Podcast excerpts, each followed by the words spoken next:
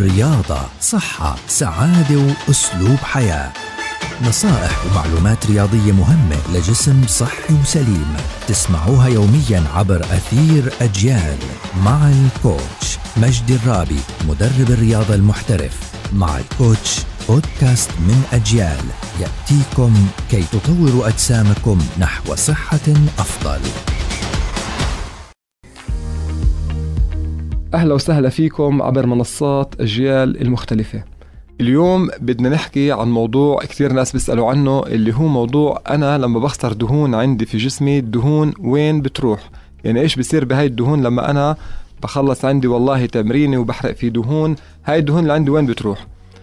الدهون في إلها أكثر من مكان بتروح فيه بس الأساسي في الموضوع مع النفس مع ثاني أكسيد الكربون.